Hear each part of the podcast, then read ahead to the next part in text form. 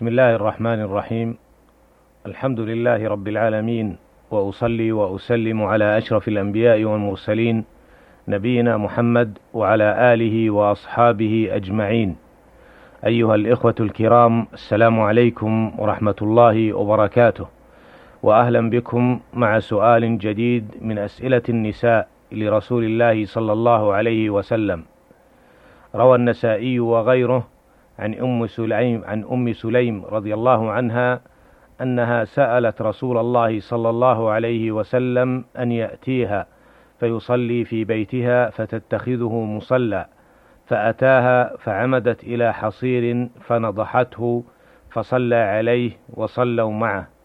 هذا الحديث أخرجه الإمام النسائي في باب في سننه في باب المساجد باب الصلاة على الحصير من طريق سعيد بن يحيى بن سعيد الأموي قال حدثنا أبي قال حدثنا يحيى بن سعيد عن إسحاق بن عبد الله بن أبي طلحة عن أنس رضي الله عنه به.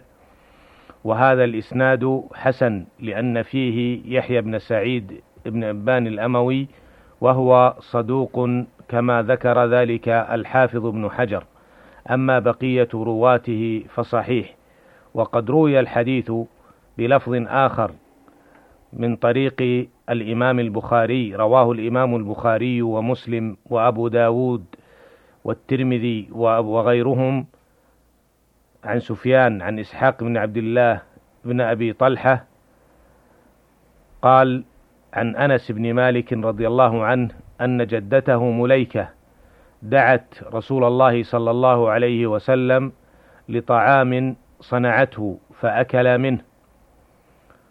ثم قال قوموا فأصلي لكم. قال أنس فقمت إلى حصير لنا قد اسود من طول ما لبس فنضحت فنضحته بماء فنضحته بماء فقام عليه رسول الله صلى الله عليه وسلم وصففت أنا واليتيم وراءه والعجوز من ورائنا فصلى لنا رسول الله صلى الله عليه وسلم ركعتين ثم انصرف.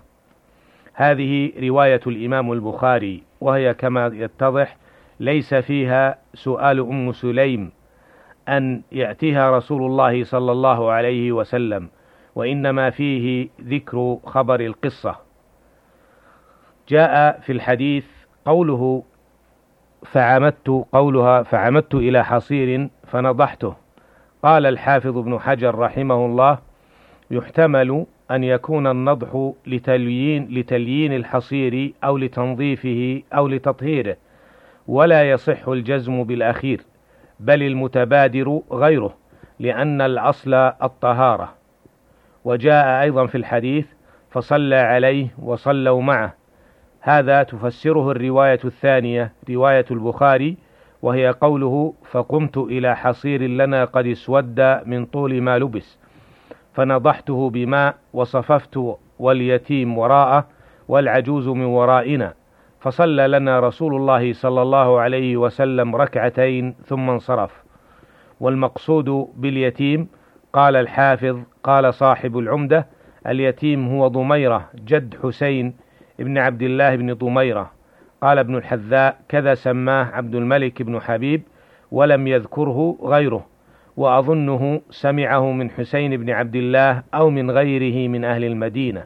قال وضميرة هو ابن أبي مليكة هو ابن أبي ضميرة مولى رسول الله صلى الله عليه وسلم واختلف في اسم أبي ضميرة فقيل روح وقيل غير ذلك انتهى.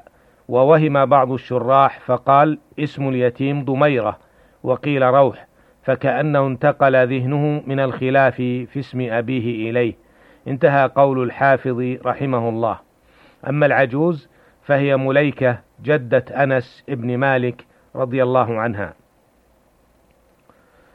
أيها المستمعون الكرام مما يدل عليه الحديث استحباب دعوة أهل الفضل لتناول الطعام وللصلاة في البيت.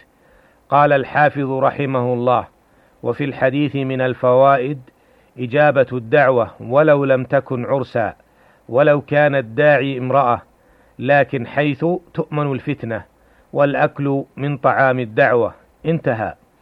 ووجه الدلالة من الحديث أن الرسول صلى الله عليه وسلم أجاب دعوة هذه المرأة وأكل من طعامها وصلى في بيتها.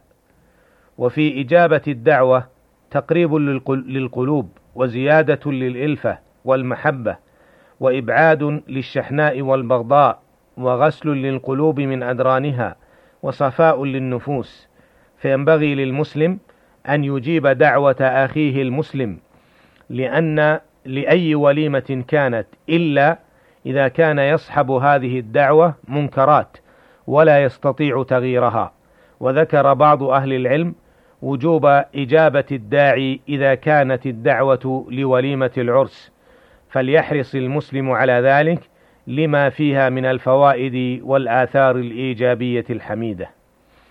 ومما يدل عليه الحديث استحباب تنظيف المكان وتطهيره المكان الذي يراد الجلوس عليه أو الصلاة عليه كما فعل أنس رضي الله عنه حيث عمد إلى الحصير فغسله ونظفه ودين الإسلام أيها المستمعون دين النظافة والنزاهة والطهارة نظافة الظاهر, نظافة الظاهر للأبدان والملابس والأمكنة والشوارع والحدائق وغيرها ونظافة الباطن القلوب من أدرانها وأوساخها من الغل والحقد والحسد والبغضاء والشحناء ونحو ذلك. ويدل الحديث أيضا على أن الذي يتخذ قدوة أن يفعل ما يحسن الاقتداء به ويظهره. فالرسول صلى الله عليه وسلم هنا أكل من الطعام وصلى في البيت فرآه أهل البيت كذلك فاقتدوا به.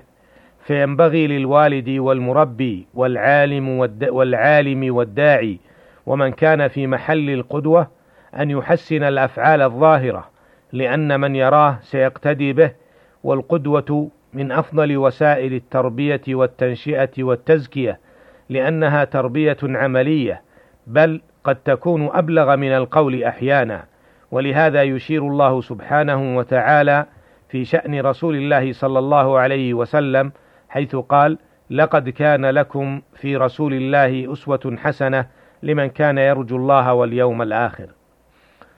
ومن فوائد الحديث وأحكامه ما ذكره الحافظ رحمه الله بقوله: وفيه قيام الصبي مع الرجل صفا وتأخير النساء على صفوف الرجال وقيام المرأة صفا وحدها إذا لم يكن معها امرأة غيرها وفيه الاقتصار في نافلة النهار على ركعتين خلافا لمن اشترط أربعة وفيه صحة صلاة الصبي المميز ووضوءه انتهى كلامه رحمه الله. أسأل الله جل وعلا أن يفقهنا في ديننا وأن يرزقنا الإخلاص في الأقوال والأعمال. إنه سميع مجيب. وإلى اللقاء في الحلقة القادمة إن شاء الله. والسلام عليكم ورحمة الله وبركاته.